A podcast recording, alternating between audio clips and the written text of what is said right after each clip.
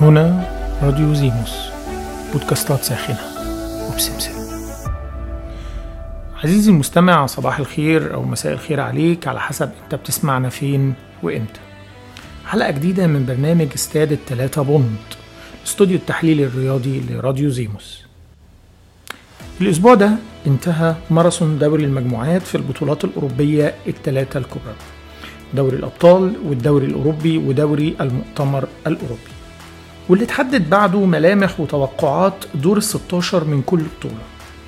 في دوري الأبطال ال Champions League عندنا دلوقتي 8 فرق وصلوا أوائل المجموعات اللي هم نابولي وبورتو وبايرن ميونخ وتوتنهام وتشيلسي وريال مدريد ومانشستر سيتي وبنفيكا البرتغالي الفرق دي هتنتظر القرعة عشان تعرف هي هتواجه مين في دور ال 16 من الثمان فرق اللي حصلوا على المركز الثاني في المجموعات واللي هم ليفربول بروج انتر ميلان اينتراخت فرانكفورت وإيه سي ميلان وليبسيج ودورتموند وباريس سان جيرمان وبنظرة سريعة هنلاقي إن معانا أربع فرق إنجليزية وأربع فرق ألمانية وثلاث فرق إيطالية وفرقتين برتغاليتين وفريق أسباني.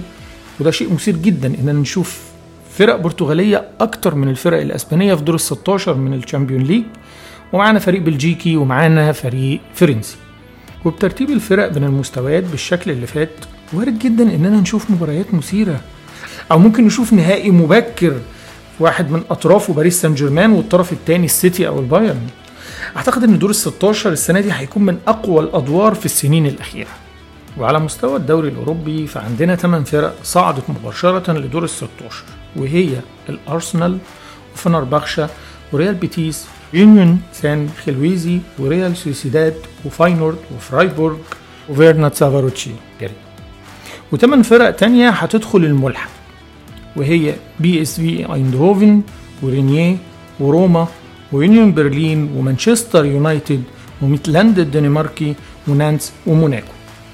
ودول اللي هيواجهوا 8 فرق أصحاب المراكز الثالثه من مجموعات دوري الأبطال واللي هم اياكس وليفركوزن وبرشلونة وسبورتنج وسالزبورج وشختار وإشبيلية واليوفنتوس.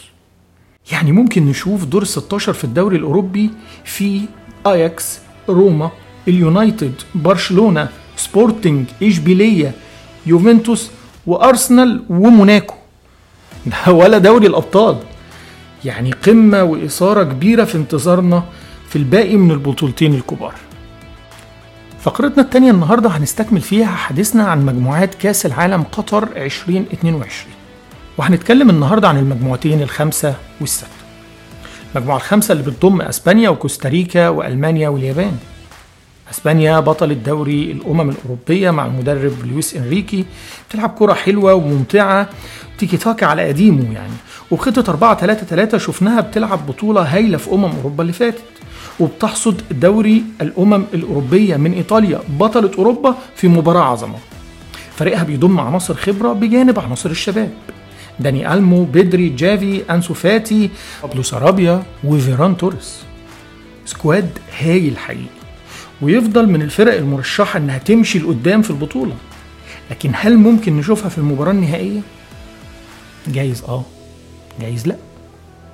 ألمانيا المانشافت العظيم الفريق اللي اشترك في كل بطولات كأس العالم ما عدا 1930 و 1950 يعني وصل للنهائيات 19 مرة. ألمانيا هي الأكثر وصولا إلى المباراة النهائية 8 مرات في المباراة النهائية فازت منهم باللقب في أربعة منهم. ألمانيا هي الأكثر وصولا إلى الدور قبل النهائي 13 مرة وهي الأكثر لعبا للمباريات في البطولة برصيد 109 مباراة. مش بس كده لا كمان هي الأكثر تسجيلا للأهداف برصيد 223 هدف والأقل قبولا للأهداف برصيد 121 هدف. وبيتصدر هداف المانشافت ميروسلاف كلوزا قائمة هدافي كأس العالم برصيد 16 هدف. باختصار ألمانيا تاريخ وإمبراطورية لا تغيب عنها شمس البطولات. ويفضل تلقائيا هو المرشح رقم واحد للوصول للمباراة النهائية دايما. لكن هل هيستطيع هانز فليك المدير الفني لمنتخب ألمانيا إنه يعمل ده في ظل تراجع واضح في مستوى المانشافت خلال الأربع أعوام الأخيرة؟ مش عارف. كوستاريكا واليابان وصراع المركز الثالث والتمثيل المشرف.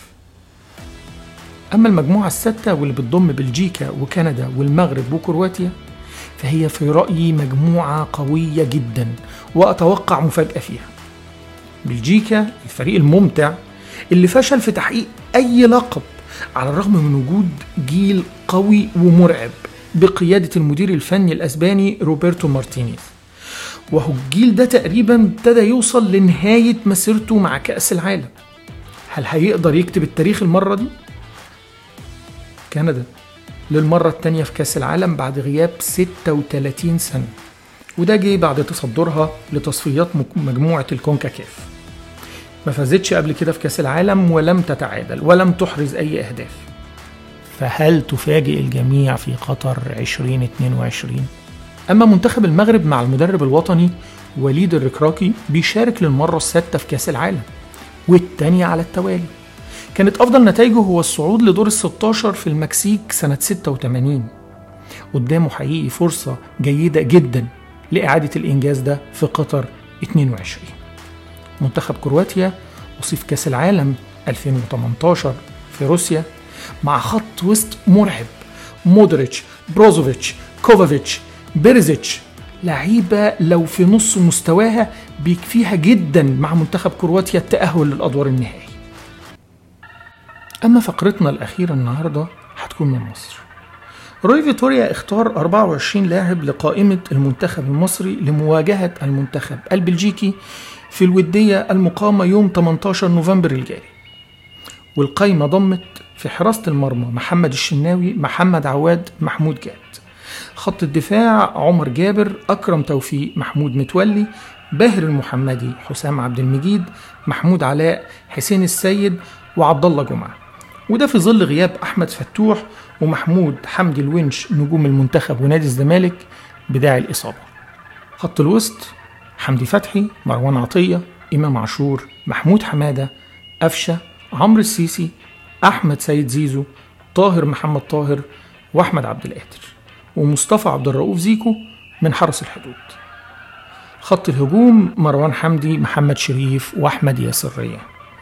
المباراة فرصة جيدة حقيقي لروي فيتوريا لتقييم اللاعبين المحليين وتحديد البدايل المناسبة للاعبين المحترفين في عدة مراكز.